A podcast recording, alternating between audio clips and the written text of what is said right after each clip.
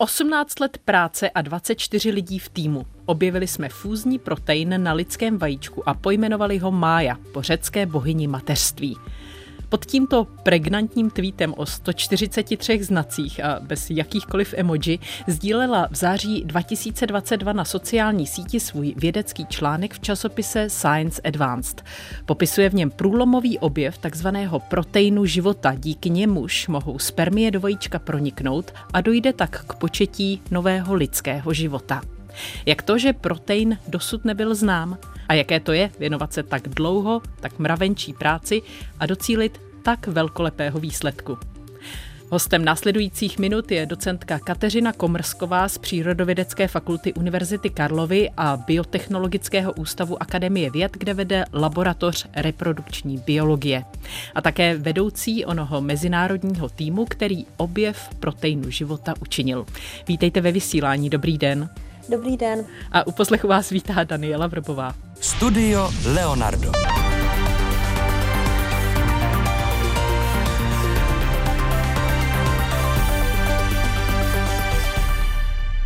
Vy jste momentálně o 10 hodin napřed, protože tento rozhovor spolu vedeme do Austrálie, kde pobýváte na stáži. Teď jsem málem řekla na pláži, ale jste na stáži. Co je jejím předmětem? Ano, je to tak. Rozhodně je to špičková věda v oblasti reprodukce. Je zde několik významných skupin, se kterými má možnost osobně spolupracovat a rozšířit tak vědecké poznání. A diskuze jsou doopravdy přínosem. Důležitou náplní je také dokončení projektu ve spolupráci s hostující laboratoří na Hudson Institute, kde připravujeme nyní společnou publikaci.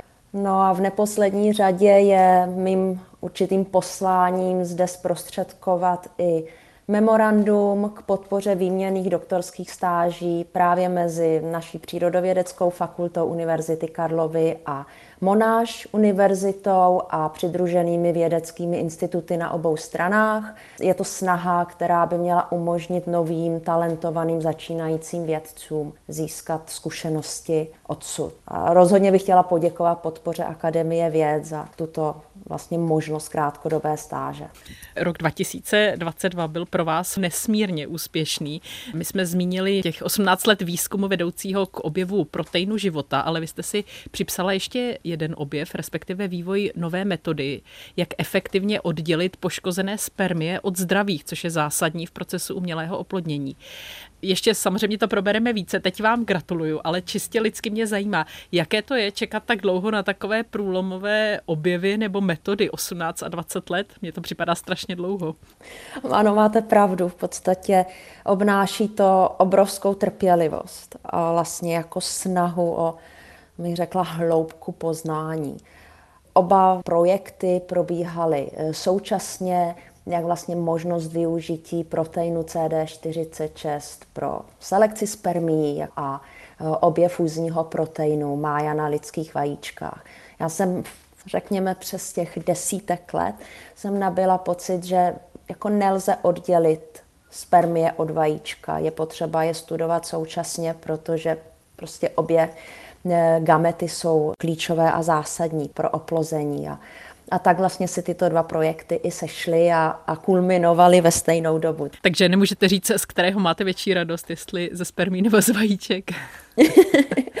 ne, já jsem opravdu vděčná a s pokorou vnímám, že se podařilo ten základní výzkum někam dotáhnout a je zatím usilovná práce mého týmu a spolupracujících týmů, včetně klinik asistované reprodukce lékařů, embryologů, andrologů, prostě těm všem patří díky.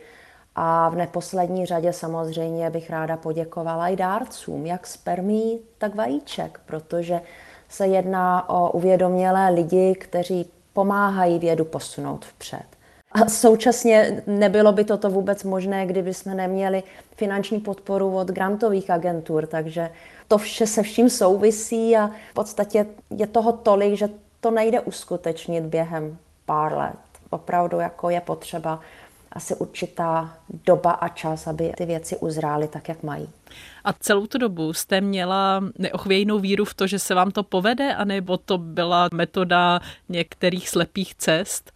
To víte, že je to stejně tak jako v kterýmkoliv jiném oboru a v běžném životě jsou prostě stádia, kdy člověk má pocit, že se daří a pohybujete se nahoře a, a potom se něco nepovede a začnete mít pochybnosti. Myslím si, že to je běžný pro jakoukoliv práci. Prostě člověk je chvilku nahoře, chvilku dole. Jak to vnímám ve vědě, je důležité to nevzdávat. A i když se něco nepovede, tak díky tomu, že se to nepovedlo, neznamená, že to nefunguje. Akorát se potvrdilo, že hypotéza, kterou si člověk stanovil, není správná a musí se hledat nová hypotéza a ta se musí znova testovat. To znamená, vlastně ve vědě není, jestli se něco povede nebo nepovede, protože to jsou určité představy, které je potřeba buď potvrdit nebo vyvrátit a, a vlastně hlavní odpověď zná jenom příroda. A když jste potom zveřejnili ten svůj objev, tak eh, tím už jste měli takzvaně odpracováno, napsali jste o tom článek a teď je to prostě fakt, že na vajíčku existuje tento protein, díky kterému ta spermie se dostane dovnitř a o tom proteinu se dosud nevědělo. Samozřejmě je to první krůček k tomu hlubšímu poznání. Je to vlastně první objev v tomto stádiu a nyní je potřeba jej rozšířit, rozvést. Doufám, že se přidají i další laboratoře na světě a budeme moci se podívat jak vlastně daný protein třeba souvisí se stářím, se poruchami plodnosti, se zráním vajíček, jaký má další možný uplatnění, co se týče eh, klinické aplikované medicíny. Ono je to těžký popsat, ale opravdu až budoucnost ukáže, jakou hloubku a jaký praktický využití každý objev má. A my si samozřejmě přejeme, že eh, tady ten náš objev eh, maximálně přispěje k diagnostice nebo k léčbě neplodnosti a, a nasměruje vlastně asistovanou reprodukci tím správným směrem. Posloucháte Studio Leonardo. Exkluzivní rozhovory s domácími i zahraničními vědci o životě i vědě. Najdete ho také na webu plus.rozhlas.cz, v aplikaci Můj rozhlas a v dalších podcastových aplikacích. S docentkou Kateřinou Komrskovou dnes mluvíme o reprodukční biologii a o jejím objevu proteinu, díky němuž spermie může proniknout do vajíčka. Jaká je konkurence v tomto oboru? Hráli jste o čas nebo měli jste nějaké zvlášť závažné konkurenty? Ve vědě vždycky hrajete o čas. To potvrzují mnohé zásadní objevy, které byly uveřejněny mnohdy v rozmezí dnů či pouze hodin od sebe. A ano, konkurence je obrovská, to je pravda. I když na světě jsou, bych řekla, v tom našem oboru pouze desítky vědeckých týmů, kteří se zabývají příbuzným tématem. A já ale podporuji zásadně spolupráci a myslím si, že by měla ta věda sloužit k něčemu ušlechtilému. A když je velká konkurence, tak samozřejmě je to určitá síla hnací dopředu, ale více hlav více ví a toto platí ve vědě zvlášť. Nicméně, ano, máte pravdu, že tady o tom objevu, co se týče proteinu mája, jsme příliš nemluvili na konferencích, protože jsme se báli, že mohou být jiný týmy, který ten problém uchopí ze svého pohledu a věděli jsme, že tento objev potřebuje určitý čas, protože když pracujete s lidským materiálem, tak jsou tam určité limity, kdy ani nemůžete jakoby pokračovat velmi rychle, jako třeba na, na zvířecích nebo na buněčných kulturách. To znamená obezřetnost ano, ale snaha o spolupráci a e, maximalizovat vlastně potom ten úspěch a dopad pro veřejnost a pro společnost. Vy jste vedla mezinárodní tým, i teď jste vlastně vedoucí laboratoře, ale při tomto konkrétním výzkumu, jak jste měli rozdělenou práci a jak jste se koordinovali?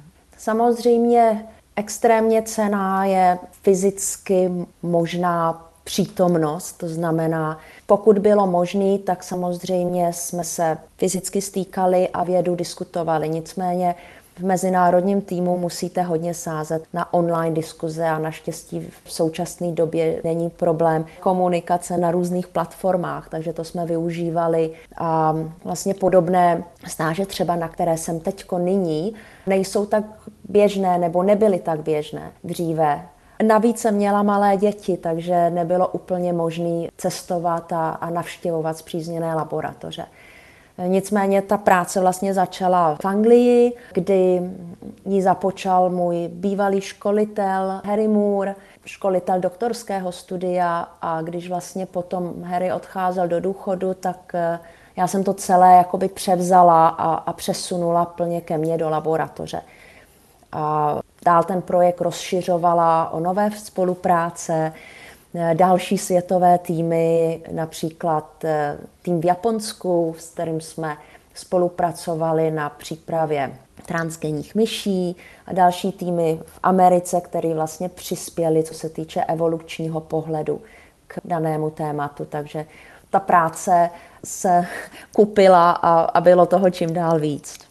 A vy jste byla, řekněme, manažerka toho týmu, nebo jak často vlastně teď pracujete v laboratoři a díváte se na eh, spojení vajíčka spermie? Já vám řeknu takový příběh. Když jsem byla doktorantská studentka, tak eh, jednou přišel můj školitel do laboratoře tady v Čechách a potřeboval mě a laborantku k tomu, aby jsme mu přinesli rukavice, aby jsme mu zajistili eh, nějaké špičky, pipety a podobně, protože vlastně v té laboratoři se neorientoval. A já v tu dobu, že jo, ve své naivitě a mládí, jsem to nedokázala pochopit. Jsem si říkala, že teď je to jeho laboratoře, on ani neví, kde ty věci jsou. No, tak teď už to chápu. Když občas mám tu možnost, že jdu do laboratoře a nesmírně mě to těší, a můj tým ví, že když prostě něco krásného je pod mikroskopem, nebo i něco, co je velmi překvapí, že mě prostě mohou zavolat, nebo občas demonstruju nějaký pitevní praktika nebo tak. Nesmírně mě to těší. Nicméně potřebuji svůj tým, aby mě orientovali v mojí laboratoři, protože vlastně to je takový ten žebříček, kterým si prochází, myslím, každý vědec, že když se dostanete na vedoucího toho týmu, tak eh, vlastně vaše práce není už jenom v té laboratoři, ale většinou se přesouvá k psaní publikací, k psaní grantů, k manažování celého týmu, zajišťování propagace výzkumu, prezentace na konferencích, mluvení z médií a tak dále. Takže ano, máte pravdu, do laboratoře se dostanu minimálně, mrzí mě to, ale, ale je to prostě evoluční vývoj. A jak se vlastně proměnil obor reprodukční biologie od dob, kdy jste se mu začala věnovat? To je docela těžká otázka, protože jako každá doba asi má určitý jiný pohledy, jiný výzvy. Eh, já bych řekla, že reprodukční biologii vlastně tvoříme my všichni. Jo současnou podobu, kterou má obor reprodukční biologie, netvoří jenom vědci, ale tvoří vlastně i společnost a požadavky, které společnost má na ten daný obor. To znamená, proto vnímám i jako nesmírně důležité aktivní sdílení výzkumu s veřejností. A je to v podstatě součást vědecké práce. Neplodnost bolestivě se dotýká mnoha párů a jedná se o nemoc jako je každá jiná. A pokud lze přispět eh, našim vědeckým poznáním a zlepšit diagnostiku či nasměrovat léčbu, tak eh, pak pro mě věda má smysl. Nicméně možná stojí za to zmínit, že já osobně třeba nemám ráda katastrofické scénáře. Jakože pokud bude trend ve snižování kvality spermí a vajíček pokračovat, tak vymřeme. Já si to nemyslím. Je potřeba si uvědomit, že ano, je důležitý zdravý životní styl a také hraje roli reprodukční stáří. Nicméně primární úlohou živočichů je se rozmnožit a jsou tak naprogramovaný. A to, že vlastně naše současná společnost nás formuje reprodukci odkládat, tak eh, mnohé problémy s početím právě souvisejí s tím věkem. Takže je potřeba si uvědomit vlastně, kde stojí naše priority a vnímat, že reprodukce si zaslouží pozornost a, a také svůj čas. A doléhají k vám příběhy konkrétních lidí, kteří mají problémy s neplodností, s početím, anebo se na to díváte spíše jako datový údaj, kolik párů eh, potřebuje asistenci a podobně? Ne, to se nedá oddělit, protože já dělám základní výzkum proto, aby sloužil veřejnosti a aby vlastně byl eh, možný aplikovat dál. Jinak pro mě osobně nemá smyslu, když, když nevidím to zužitkování. A to znamená, ano, naprosto vnímám osudy lidí nebo, nebo strasti lidí a, a musím říct, že jsou lidé, kteří se na mě obracejí o pomoc a sdílejí se mnou jejich starosti a, a žádají o radu. Nicméně já nejsem lékař. Ani prozatím nejsme ve stádiu klinických testů, nových metodik, ale snažím se pomoci, jak dovedu. Minimálně aspoň doporučit spolupracující lékaře, embryology, které znám. To znamená, vždycky se snažím ten problém, který je se mnou sdílen a tu důvěru, která je ve mně dána, byť jenom e-mailem nebo telefonátem, tak nesklamat a pomoci, jak nejlíp dovedu. Řešíte při své práci a ve svém výzkumu nějaké etické otázky? Samozřejmě, těch etických otázek je strašně moc, protože práce s lidským materiálem, ale i se zvířaty podléhá přísným eh, etickým pravidlům. K výzkumu musíte mít schválený projekt pokusu, nad jeho dodržováním dohlíží etická komise, dárci GAME samozřejmě podepisují informovaný souhlas, no a následně s materiálem zacházíme s opatrností a a určitě s určitou pokorou, protože metodiky, které vychozujeme, jsou vždy vychozovány na jiným modelovém organismu, většinou na myších. A když potřebujeme získat eh, jako množství dat, kvantifikovat je, tak využíváme například buněčních linií, které máme upravené tak, aby měly na svém povrchu proteiny našeho zájmu a tak vlastně minimalizujeme množství potřebných vajíček. Takže ano, samozřejmě etické eh, aspekty řešíme a hlavně se řeší dopředu. Dopředu, než vůbec jakýkoliv pokus začne. Řekněte mi teď víc o tom fúzním proteinu, který jste v týmu pojmenovali Maja podle starořecké bohyně mateřství. Ten odkaz na mytologii byl spontánní nápad nebo dlouho vybírané jméno? Já bych řekla spíše spontánní, ale v podstatě mytologie z nějakého důvodu nebo netradiční jména proteinů v reprodukční biologii mají svoji historii. Protože protein na spermii, klíčový fúzní protein, který byl objeven kolegy v Japonsku, se jmenuje Izumo, což je jakýsi chrám lásky v japonštině. No a protiklad na vajíčku, vlastně protein, který zajišťuje ten první dotyk spermie s vajíčkem, takový ten první polibek, tak ten se jmenuje Juno, což je v podstatě opět pojmenovaný týmem v Japonsku, tak eh, Juno je bohyně lásky podle řecké mytologie. No a vzhledem k tomu, že náš protein je protein, který vlastně přejímá to žezlo po Junu, po bohyni lásky, tak eh, mně přišlo na snadě jej pojmenovat v podobném duchu. A protože bohyně mateřství je Mája, tak nám přišlo zajímavé a docela i logické ten protein vlastně pojmenovat podle bohyně mateřství eh, Mája, která, která vlastně v určitém tou dobu v mytologii se i protnula z bohyní Juno. Takže tak nějak hezky všechno do sebe to zapadá. No a kde mě to napadlo, to bylo na jednom českém zámku, já si nemůžu vzpomenout, jak se jmenuje. Tam je 12 bohyň tam na nádvoří, každá k jednomu měsíci v roce.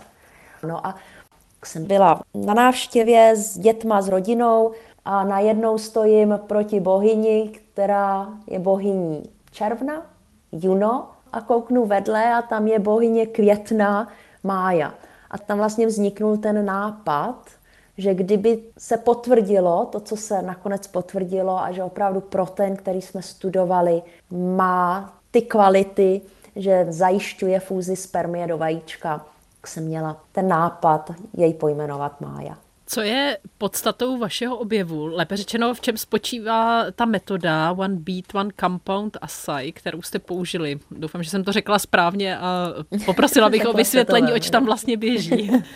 Řekla jste to dobře, jedná se vlastně o kombinatorní knihovnu kuliček. A já bych ji přirovnala ke knihovnám, do kterých my běžně chodíme ale do hodně velkých knihoven, protože musí mít miliony knih, stejně tak jako těch kuliček jsou miliony a miliony. A každá ta kulička, stejně jako každá ta kniha, je, je jiná, je v něčem unikátní. No ale vy, když přijdete do velké knihovny, například do Klementína, tak nevíte, jakou knihu si vyberete. Musíte si nastavit nějaká kritéria. Jestli chcete cestopisy, beletrie, encyklopedii a tak dále. Takže pro nás vlastně takovým prvním kritériem bylo, aby spermie se na kuličky vázaly. Kuličky ano. zastupovaly ta vajíčka, jenom aby to bylo jasné. Kuličky zastupovaly vajíčka, ano. Kuličky simulovaly vajíčka, oni jsou stejně velké jako lidská vajíčka, ale každá měla na svém povrchu úsek, krátký vlastně peptid, který představoval určitý známý protein. A těch proteinů jsou miliony, miliony. To znamená, že vlastně bylo potřeba vybrat kandidátní protein, který by byl přítomný při vstupu spermie do vajíčka. Takže kuličky jako vajíčka a řekněme se nám, na některé kuličky se nám vázaly spermie. Takže to byl takový ten první předvýběr. Takže jsme si vybrali, řekněme, cestopisy. No ale pak potřebujete ten výběr zúžit. Takže my jsme zavedli určitá pravidla, jako je množství spermií na jednu kuličku, přítomnost vápenatých jontů a další kritéria, která simulovaly vlastně stav přirozeného oplození. No a tak jsme vlastně zužovali, zužovali ten výběr, no a na závěr jsme si vlastně odnesli jednu kuličku, tu naší jednu knihu k prostudování. A, a tak vlastně začal celý ten výzkum. Ale ten výběr trval velmi dlouho. Ten trval v podstatě minimálně dva roky, než se definovala ta jedna kulička. Kvalitu spermí významně ovlivňuje životní styl i životní prostředí a schopnost reprodukce je také to první, co tělo sníží, když je v nějakém diskomfortu. Nebyla by pro vaši práci v tomto směru čára přes rozpočet, kdyby se muži začali víc starat o svoje zdraví a o svoje spermie? Jež, to by bylo úplně úžasné. To znamená, že vlastně všeobecné povědomí společnosti o potřebě preventivně kontrolovat reprodukční zdraví mužů by bylo prostě na místě a, a reprodukční zdraví totiž eh, opravdu odráží celkové zdraví člověka a mnohdy souvisí eh, s jiným vážným onemocněním, jako je například rakovina. A když si to vezmete, tak ženy mají pravidelné gynekologické prohlídky, avšak muži pravidelnou prevenci reprodukčního zdraví a kvality spermí nemají. Jako já to vnímám, že jsou vlastně diskriminováni a to celosvětově. Takže domnívám se, že kdyby se tohoto dalo změnit, a nejsem sama, existují projekty a jednoho evropského jsem také součástí, které na tuto problematiku chtějí upozornit a aktivně ji řeší. Takže bylo by úžasné, kdyby muži měli možnost se starat více o své reprodukční zdraví a tím pádem by mohli v případě neuspokojivých hodnot být doporučení ke specialistovi, který provede širší vyšetření a případně doporučí léčbu. Takže já jsem toho velkým zastáncem. A o práci se nebojíte, že by vás to Rozhodně ne. tak to říká docentka Kateřina Komrsková z Přírodovědecké fakulty Univerzity Karlovy a také z Biotechnologického ústavu Akademie věd, kde vede laboratoř reprodukční biologie. Zdravím vás do Melbourne. Naschledanou. Děkuji, naschledanou a zaujatý poslech dalšího vysílání vám přeje Daniela Vrbová.